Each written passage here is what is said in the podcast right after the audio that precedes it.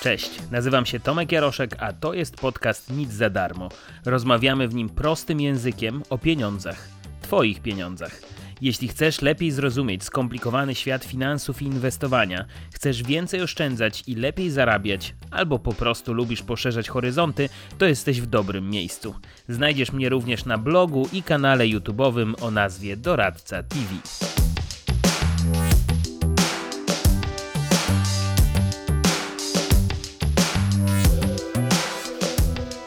KNF przypomina Polakom, że mamy w Polsce kredyty o zmiennej stopie procentowej, więc trzeba uważać, gdy bierze się kredyt na wiele, wiele lat.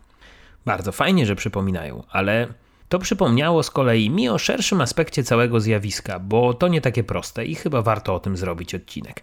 Zresztą sami posłuchajcie i zobaczcie, skąd to pospolite ruszenie na rynku mieszkaniowym i co nam mówią dzisiaj dane. To jest punkt pierwszy do dzisiejszego odcinka. Dalej, dlaczego w Polsce dominują kredyty o zmiennej stopie procentowej, to jest bardzo, bardzo ważne i co to w ogóle znaczy w praktyce. No i na koniec, czy to wszystko z tym grzmiącym KNF-em, że trzeba z kredytami uważać, sugeruje nam już zagrożenie bańką spekulacyjną na rynku kredytów hipotecznych. Nic za darmo. Zaprasza Tomek Jaroszek. Jak czytam w komunikacie Biura Informacji Kredytowej, w pierwszym półroczu 2021 banki udzieliły 13% więcej kredytów mieszkaniowych w stosunku do roku 2019 i prawie 23% więcej w porównaniu z ubiegłym rokiem. Kwota tych kredytów jest o 33% wyższa w odniesieniu do pierwszego półrocza 2019. Z dużym prawdopodobieństwem można też założyć, że w całym 2021 wartość akcji kredytowej w kredytach hipotecznych przekroczy uwaga, 80 miliardów złotych. Krótko mówiąc, jest ciśnienie na kredyty hipoteczne. Polacy ruszyli po zakupy nieruchomości i to już nie tylko inwestorzy z walizkami wypchanymi gotówką, ale też konsumenci, którzy mają zdolność kredytową, a przy tak niskich stopach procentowych niska rata wydaje się być też bardzo, bardzo kusząca. Dlaczego tak się dzieje? Zacznijmy może od tych przyczyn, bo wydaje mi się, że one są bardzo, bardzo istotne, żeby dobrze zrozumieć, w którym miejscu na rynku jesteśmy. Po pierwsze, w Polsce nieruchomości to jest rzecz święta. Święta, bezpieczna, idealna lokata kapitału, nawet jeśli nikt nie odważy się kiedyś tego policzyć. Wybieramy nieruchomości chętniej niż giełdę, chętniej niż fundusze, czy chętniej niż chociażby złoto czy srebro. Dla wielu osób bez wątpienia nieruchomość to jest jedyna namacalna inwestycja, no bo jak porozmawiamy sobie chociażby ze starszymi osobami, no to często akcje to jakiś wynalazek cyfrowy, że to raz jest, raz nie ma, to ukradną i tak dalej. Przy niskiej wiedzy ekonomicznej dotyczącej rynku kapitałowego, no jest to taki klasyk, że ta namacalna inwestycja wygrywa, tak jak bardzo często inwestycja w sztabkę złota czy w złoto fizyczne wygrywa z ETF-em na złoto, ale nie ze względu na to, że to jest kwestia mm, ochrony na ciężkie czasy typu wojna i tak dalej, tylko po prostu Sztabka to sztabka, a nie jakiś tam cyfrowy instrument, więc w skali kraju musimy na to zdecydowanie patrzeć. No i moim zdaniem, jakby nie patrzeć, y, cały czas jest to przekonanie w Polsce, że jak lokować pieniądze, to właśnie w namacalne inwestycje, lepsze mieszkanie niż jakieś tam fundusze. No a w dobie stóp procentowych takich jakie są, szukamy przede wszystkim lokaty kapitału. No bo właśnie, po drugie, jak jest inflacja, to swoje pieniądze trzeba chronić, a Polacy się inflacji zdecydowanie boją i to widać w różnych badaniach, widać w różnych zestawieniach i widać, że to nas rusza, jak y, media nam co chwilę przypominają, że mamy już inflację taką, jaką mamy, bo 5% to jest wskaźnik zdecydowanie y, wysoki, jeśli chodzi o ostatnie lata w Polsce. Co chroni przed inflacją? Moglibyśmy powiedzieć obligacje indeksowane inflacją, no ale nie, no zdecydowanie nieruchomość jest w tym momencie mm, w statystykach y, przodująca. Tak całkiem na serio nasze pieniądze w banku oczywiście tracą i jesteśmy pod tym względem w światowej czołówce, no bo wysoka inflacja i niskie stopy procentowe to jest okrutne połączenie i, i tu niestety mamy, mamy cały czas tę ujemną stopę zwrotu, bo jak mam 100 tysięcy złotych w banku, to te pieniądze po roku realnie będą warte y, mniej niż dzisiaj i nie bardzo jest jak w banku to obejść. W tym momencie nawet wiele ofert funduszy, już tych bezpieczniejszych, też nie bardzo ma jak obejść e, tak wysoką inflację, gdzie jeszcze po drodze, jakby nie patrzeć, ten 19% podatek od zysków kapitałowych, nawet tę końcówkę musi nam jeszcze ugryźć. Więc jeśli na to popatrzymy, no to faktycznie nieruchomości to jest miejsce, gdzie spora część pieniędzy po prostu wędruje i to wędruje bardzo szybko, właśnie ze względu na to, że w banku te pieniądze po prostu są taką palącą gotówką, tak jakbyśmy trzymali w rękach te środki i musieli pilnie gdzieś się ulokować, no wygrywa często nieruchomość. Ale dlaczego ona też wygrywa? Ja mam z tyłu głowy takie rozmowy z pośrednikami nieruchomości, że my często sobie wyobrażamy, że życie to jest na tyle proste, że jest jedna osoba, ona uzbierała jakieś pieniądze, kupuje jakąś nieruchomość i tak dalej. No ale oczywiście życie jest bardziej skomplikowane, te transakcje na rynku nieruchomości też są bardziej skomplikowane i z obserwacji właśnie u pośredników nieruchomości, jeśli na przykład młody człowiek chce kupić mieszkanie, ale brakuje mu gotówki, to coraz częściej pojawia się sytuacja, że do wkładu własnego dorzucają się pilnie rodzice, bo ich gotówka pali w rękach ze względu na właśnie inflację i beznadziejną ofertę lokat w bankach, więc wolą w tym momencie ulokować te pieniądze właśnie w postaci wkładu własnego w e, można powiedzieć, rodzinnym. Więc coraz częściej zakupy są wspierane rodzinnie, e, chociaż my tak naprawdę patrzymy przez pryzmat danych na jednego kredytobiorcę. No bo tu nie zawsze musi być ten rodzic przecież wpisany w banku, może wcześniej e, zrobić jakąś darowiznę. No i po trzecie, mówiliśmy o inflacji, ale rosną przede wszystkim ceny materiałów budowlanych i robocizny, więc znowu kto odkładał decyzję, ma jeszcze większe ciśnienie, no bo znowu jest przeświadczenie, że jak teraz jest drogo, za rok będzie jeszcze drożej, trzeba już zabierać się za ten temat. I ta spirala to jest potężna siła, bo ona sprawia, że wyciągamy pieniądze z banków, kupujemy te cegły i zabieramy się często za jakieś właśnie odkładane długo inwestycje. No i po czwarte, jak już siedzimy w kredytach hipotecznych, no to zdolność kredytowa wygląda dużo lepiej. Rosną wynagrodzenia, chociaż to jest jeszcze inny temat, które wynagrodzenia, to oczywiście nie jest tak jak politycy mówią, że rosną wynagrodzenia wszystkim tak pięknie. Tutaj jest sporo gwiazdek i musimy je często pokazywać w badaniach, ale banki nie mają już gigantycznych wymagań. 10% wkładu własnego to jeszcze nie taka tragedia, chociaż w niektórych miastach 10% to już może u niektórych robić robotę, no bo jak myślimy o mieszkaniu za milion, no to łatwo sobie policzyć, że trochę tych oszczędności trzeba oczywiście mieć. Niemniej jednak bank na etapie wniosku, pamiętajmy, że stara się pilnować, żeby rata nie przekraczała 50% obciążeń budżetu domowego kredytobiorcy, więc przy tak niskich stopach procentowych, dosyć niskim wkładzie własnym i sposobie uzupełniania wniosków, no każdy, kto kiedyś uzupełniał wniosek banku, wie jak to wygląda, że tam wcale nie wpisuje się skrupulatnie wszystkich kosztów życia i tak dalej, tylko raczej się wpisuje tak poglądowo, żeby się zgadzało no to zdecydowanie jest dosyć łatwiej ten kredyt dostać. No i banki odkorkowały się po pandemii, bo ja muszę przyznać, że byłem w dużym szoku, y, jak banki szybko i ostro zareagowały i jak szybko im klienci wybaczyli. Nie wiem, czy pamiętacie, ale przy pierwszej fali kryzysu w marcu 2020 przez kilka miesięcy sektor bankowy zahamował akcję kredytową bardzo gwałtownie i to tak, że niektóre banki na przykład wyeliminowały z oferty przedsiębiorców muszę przyznać, że ja byłem tutaj o tyle w dużym szoku, że nawet gdybym usiadł do tematu, że dobra, ja kupuję teraz nieruchomość, jest pandemia, to jest mój czas, żebym sobie kupił mieszkanie, to część banków po prostu by się na mnie wypięła, bo prowadziłem działalność gospodarczą, więc bank jest duże ryzyko, jest pandemia, hipoteki już brać nie mogłem. Tak było przez kilka miesięcy ale kiedy banki też doszły już w tym momencie do, do, do sytuacji, że ta pandemia wiele zmienia w biznesie, ale nie wywraca tego biznesu tak jak na początku myślano, e, przerzucono wajchę w drugą stronę, no i teraz kredytów udziela się na potęgę. Ostatnio robiłem sam test zdolności kredytowej i przyznaję, że byłem w lekkim szoku, jakie tu padają kwoty, chociaż sam prowadzę przecież jednoosobową działalność gospodarczą, więc generalnie powinienem mieć trochę tę zdolność mniejszą, no ale to pewnie będzie kwestia zabezpieczeń w banku. Można powiedzieć, że pod tym względem zdecydowanie o kredyt jest y, teraz łatwiej. No i po piąte, już chyba ostatnie, Niska rata to jest taka wisienka na torcie. To, to wielu Polaków będzie kusić, no bo jak policzymy ratę przy niskich stopach procentowych, no tak rekordowo niskich w okolicach zera, to wiele porównań wyjdzie nam wyraźnie na korzyść tych rat, no bo czy najem, czy wymarzone mieszkanie, które wydaje nam się na wyciągnięcie ręki, ale kilka lat temu było nie do pomyślenia, bo ta rata była dużo wyższa. No to jest taki argument, który powoduje, że mamy silne ciśnienie na kredyty hipoteczne, no a banki ostatnio autentycznie korkują się y, nie ze względu na procedury covidowe czy coś takiego, ale ze względu na to, że tych wniosków kredytowych jest dosyć dużo i po prostu trzeba długo czekać, zanim bank to przemieli.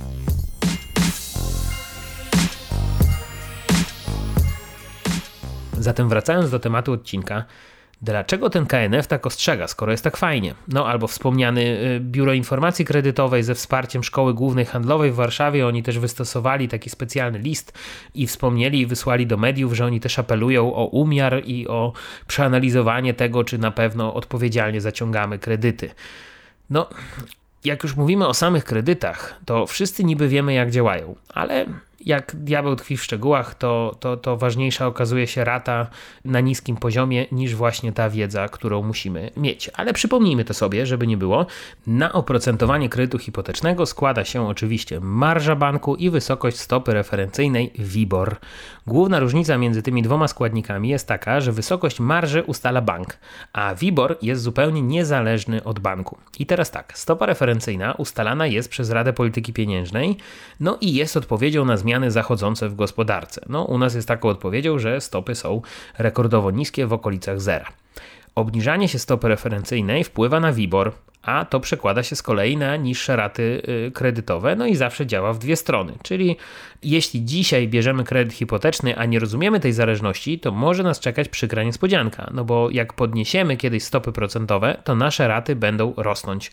Więc zadłużać się trzeba, znając po prostu tę zależność i ja powiem tak, najlepiej poprosić w banku o symulację bo fajnie się teraz rozmawia, co będzie, jak wzrosną, o ile wzrosną i tak dalej, ale niech to będzie czarno na białym, niech bank skorzysta z tych swoich kalkulatorów i po prostu nam to wydrukuje. I teraz zobaczcie, ile wyniesie rata przy konkretnych stopach procentowych. Możemy puścić wodze fantazji i podnieść je w symulacji nie o 0,5, tylko na przykład cofnąć się do poziomu sprzed kilku lat, gdy na lokatach mieliśmy 5-6%. I dopiero wtedy taka symulacja pokazuje, czy nasz budżet domowy to dźwignie. No bo jeśli teraz ktoś liczy na zasadzie, a to pewnie banki będą obniżać jeszcze stopy procentowe, no to musiałoby dojść do znowu historycznego wyniku, czyli mielibyśmy tak naprawdę ujemne stopy procentowe. No tego w Polsce y, jeszcze absolutnie y, nie było. Dlatego sugeruję cały czas, zróbmy sobie symulację z założeniem, że jednak te stopy procentowe będą rosnąć, bo już jak przyjrzymy się innym krajom z naszych okolic, gdzieś tam Węgry, Czechy, te tematy geograficznie nam bliskie, to te kraje też mają problem z inflacją, ale te kraje już reagują i one podnoszą stopy procentowe, a my mamy problem z inflacją większy niż one, no i zarzekamy się, że absolutnie, absolutnie nie. E, nie trzeba nikomu chyba tłumaczyć, że świat się dosyć błyskawicznie zmienia no i trudno jest być dzisiaj pewnym, że za kilka lat będzie co najmniej tak stabilnie jak dzisiaj. E, ja wychodzę z założenia, że chociażby ubiegłoroczna pandemia i trwająca tak naprawdę pandemia pokazała nam, jak szybko mogą zachodzić pewne zmiany na rynkach i po prostu zmiany, y, które nie mieściły się w podręcznikach do ekonomii jeszcze kilka lat temu. No powiem tak, jak nagrywam ten podcast, to nie mam bladego pojęcia, jak będzie wyglądał najbliższy kwartał. Czy czeka nas znowu lockdown? Y, może polityczne zawirowania będą wskazywać, że albo będzie rewolucja w podatkach od stycznia, albo nie będzie i będą na przykład przyspieszone wybory no mega stabilnie, prawda? I jak ja mam tutaj ogarnąć y, temat planowania budżetu na najbliższe 20 lat do przodu, jak nie jestem jeszcze przekonany, jakie będę płacić od stycznia podatki. Więc może jestem trochę nadgorliwy, ale y, idźmy troszeczkę dalej i nie ostrzegajmy, tak jak KNF, że kredyty y, mogą być niebezpieczne. Raczej idźmy w konkretne przykłady i sprawdźmy, czy byłoby to niebezpieczne dla nas, jeśli stopy procentowe by wzrosły. Teraz akurat na Disneyu jest taki serial animowany What If, inspirowany oczywiście komiksem Marvela What If, czyli taką serią co by było gdyby. Więc my też możemy sobie zrobić taką symulację, co by było gdyby jednak NBEP stwierdził, że walczymy z inflacją i y, będziemy bardzo drastycznie podnosić stopy procentowe i będziemy wracać do tych poziomów, które były nawet nie rok temu, tylko na przykład 3 czy 4 lata temu. To taka sytua sytuacja y, symulowana y, rodem z tego komiksu, co by było gdyby Czarna Pantera nie został Czarną Panterą, tylko dołączył do Strażników Galaktyki. O, to bardzo fajny odcinek drugi tego serialu. To my sobie zróbmy takie what if w naszym portfelu i gwarantuję, że y, nic na tym nie stracimy, bo bank jest zobowiązany, żeby nam taką symulację wykonać. No i zdecydowanie to, to może nam pomóc w podjęciu odpowiedzialnej decyzji. No dobra, ale jeszcze poruszmy jeden wątek, no bo jak ja bym nie chciał mieć kredytu zależnego od stóp procentowych, bo bym chciał zupełnie inaczej, bo ja bym chciał jednak stabilnie sobie zaplanować i nie chcę symulacji bankowych, tylko chcę płacić tyle samo cały czas, na pewno mogę tak dostać, y, tylko będzie oczywiście drożej. W wielu krajach można odpowiedzieć, w czym problem. Nie chcesz ryzyka stopy procentowej, no to sobie weź y, kredyt o stałym oprocentowaniu. No i tu jest główny problem y, i dlaczego KNF będzie niejednokrotnie jeszcze o tym przypominał, bo w Polsce tak dobrze nie ma i takich ofert w bankach nie znajdziemy. I tu akurat czytam e, u twitterowego kolegi Tomka Narkuna taki oto tekst na Twitterze. W USA historycznie niskie oprocentowanie kredytów hipotecznych najbardziej popularne są te 30-letnie. Ich oprocentowanie wynosi 2,9%. I uwaga, nie ma jak u nas, że oprocentowanie się zmienia. Jak podpiszę umowę teraz na tych warunkach, to te warunki obowiązują przez 30 lat. I teraz dane z marca 2021 dla kontrastu z Polski. Źródło Infor. Przeciętny nowy kredyt hipoteczny oprocentowany jest na 2,8% w skali roku. Spadek marsz kredytowych do poziomu sprzed epidemii, możliwość zaciągnięcia kredytu mieszkaniowego przez osoby zatrudnione na tzw. Tak umowach śmieciowych czy przez osoby prowadzące działalność gospodarczą, tak wygląda dzisiaj oferta hipotek. Niecały rok temu wydawało się, że dojście do takiej względnej normalności zajmie więcej czasu. Choć tani kredyt kusi, to trzeba pamiętać, że dług za kilka lat może być droższy. Szachmat, co? Mamy tak samo tani kredyt jak Amerykanie, tylko jak stopy procentowe pójdą mocno w górę, to Amerykanie zostaną z niską ratą, a u nas raty wzrosną wraz z rosnącym wiborem.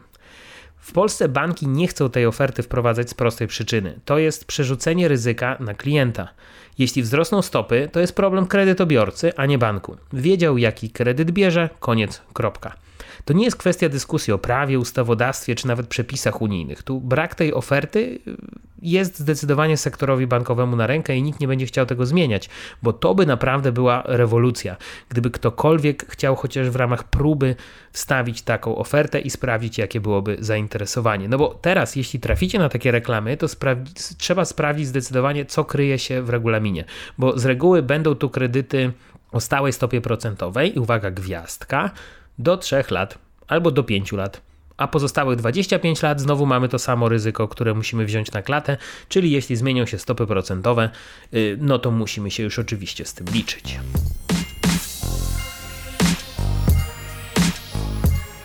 Ale czy to już jest bańka?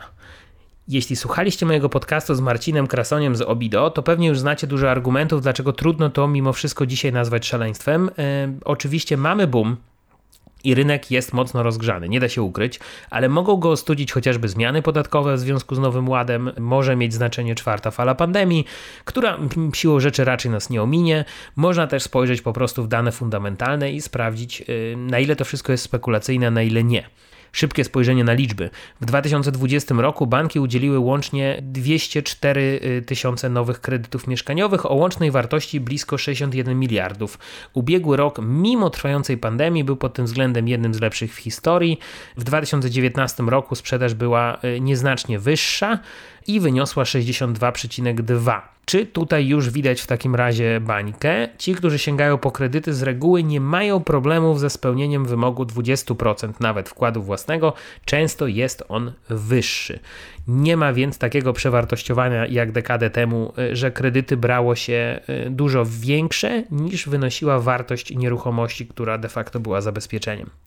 No i inna sprawa fundamentalna, w Polsce brakuje nadal pi razy oko 1,5 miliona mieszkań, to tak z różnych analiz. Sporo kredytów to są serio mieszkania dla rodzin, a nie tylko inwestycyjny hype na wynajem, więc tak fundamentalnie nadal to się nam jeszcze spina, chociaż w niektórych miejscach można mieć wrażenie, że ceny ostro odleciały. Co jeszcze bardzo istotne z perspektywy samego sektora bankowego, który przecież y, no, w dużej mierze determinuje to, czy ta akcja kredytowa jest duża, czy nie, może ten kurek solidnie zakręcić, to jest kwestia jakości portfeli w bankach. I ona jest dosyć dobra, nawet bym powiedział bardzo dobra na tle banków europejskich, ewentualnie z wyjątkiem portfeli w walutach obcych, ale tam jest specyficzna sytuacja, no bo coraz więcej klientów idzie do sądów y, w kontekście kredytów frankowych, więc niektórzy też przestają po prostu spłacać te kredyty. Polskie kredyty spłacają się bardzo dobrze, no bo prawie wszystkie badania pokazują w Polsce, że choćby nie wiem co, ratę za mieszkanie spłacimy w pierwszej kolejności. I to jest absolutny priorytet w każdym polskim budżecie domowym, a to jest y, no, fantastyczne z perspektywy sektora bankowego, który takich klientów po prostu uwielbia. Ok, ale zamknijmy w takim razie ten odcinek pewną klamrą. Zaczęliśmy od pytania, dlaczego KNF ostrzega przed nierozsądnym braniem kredytów, albo może inaczej, dlaczego KNF w ogóle ostrzega, że takie kredyty właśnie w Polsce są i musimy odpowiedzialnie z nich korzystać. Moim skromnym zdaniem to jest trochę nauka na błędach, bo trzeba tłumaczyć ile wlezie, bo za kilka lat, jak zaczną się ewentualnie psuć portfele, bo będzie jakiś inny kryzys czy coś takiego, albo serio stopy procentowe po prostu urosną i część osób y, odczuje to w portfelu, to wtedy będzie pytanie, a gdzie było państwo? Gdzie był KNF? Gdzie były banki? No i KNF wtedy przyjdzie i odpowie, o tu byliśmy. Tu dokładnie, tu są linki, tu ostrzegaliśmy, tu byliśmy, sami sobie jesteście winni. Jest trochę cenna lekcja po kredytach frankowych i ten, to słowo cenna biorę trochę w cudzysłów, mm, bo może gdyby wcześniej ostrzegano dużo mocniej i robiono wielkie kampanie uważaj na ryzyko walutowe, to dzisiaj sytuacja wydawałaby się no nieco inaczej, albo chociaż jedna ze stron sporu miałaby inny szereg argumentów w rękawie. No bo przecież wiemy, że ryzyko walutowe sprawia, że nasz kredyt może być niestabilny, prawda? Pewnie, że wiemy. A ryzyko stopy procentowej sprawia, że nasze raty mogą w przyszłości urosnąć. Wiemy, prawda? No pewnie, że wiemy. Ale mimo wszystko, jak trzeba będzie podjąć decyzję o zakupie mieszkania, to bardzo często dochodzą do głosu inne potrzeby. I wiemy, ale to ryzyko oczywiście bierzemy na klatę, no bo jeden z ważniejszych zakupów y, w życiu każdego Polaka to jest z reguły właśnie nieruchomość. No i ostatni argument, który przychodzi mi do głowy. Trochę głupio powiedzieć obywatelom, że nie znają się na finansach. Ale taka jest prawda, nie znamy się na finansach. Nasza edukacja finansowa leży i kwiczy i niektóre badania pokazują, że część Polaków wierzy, że poszczególne rządy mają swoje pieniądze i na przykład ten ma więcej niż ten poprzedni. Inni nie wiedzą, że w ogóle płacą VAT. Część Polaków nie ma bladego pojęcia, jak działa inflacja, chociaż obiło im się o uszy, że to straszne. Więc czemu w takim razie mielibyśmy założyć, że wiemy, jak działają stopy procentowe? I tu jest trochę problem, e, bo, bo bez ruszenia tej edukacji finansowej, no to niedługo dojdziemy do poziomu, że przed wszystkim trzeba będzie ostrzegać, tak jak słynny case, e, ale to oczywiście kwestia amerykańskiego prawa, że ktoś się poparzył herbatą w McDonald's i teraz na każdym kubku mm, trzeba mieć ostrzeżenie, że herbata, jak to herbata, bywa gorąca. Co jest bardzo ważne, NBEP ze swoją Radą Polityki Pieniężnej nie chce szybko podnosić tych stóp procentowych, bo dzięki temu i panującej inflacji Polska jako państwo taniej spłaca swoje długi. No ale taki KNF ostrzega, żeby nie było, że nikt nic nie robi. Dlatego y, moja prośba na sam koniec: bierzcie sprawę w swoje ręce. Uczcie się, sprawdzajcie, liczcie, proście w bankach o symulację, bo to ich absolutny obowiązek. A jak zrobicie coś źle i kiedyś wpadniecie w finansowe tarapaty, no to co najwyżej usłyszycie ej, ale my przecież ostrzegaliśmy, to już jest wasza wina. Więc w tym kontekście zdecydowanie polecam przygotować się na wszelkiego rodzaju kłopoty i wcześniej już mieć ewentualne plany awaryjne, niż liczyć na to, że ktoś nam pomoże, bo ktoś wtedy może tylko powiedzieć, że a nie mówiłem, a po pomocną dłoń e, raczej się tam już e, nie udamy. Do usłyszenia w kolejnym odcinku, a ja tymczasem zapraszam Cię również na bloga Doradca TV i kanał YouTube o tej samej nazwie. Znajdziesz mnie na Facebooku jako Doradca TV i na Twitterze jako Tomasz Jaroszek. Jeśli chcesz zasugerować mi jakiś temat lub po prostu przedstawić się jako słuchacz i napisać mi coś od siebie, to służy do tego specjalny adres e-mail podcastmałpa.niczadarmo.pl Mówił Tomek Jaroszek, zapraszam serdecznie na kolejne odcinki podcastu Nic za darmo.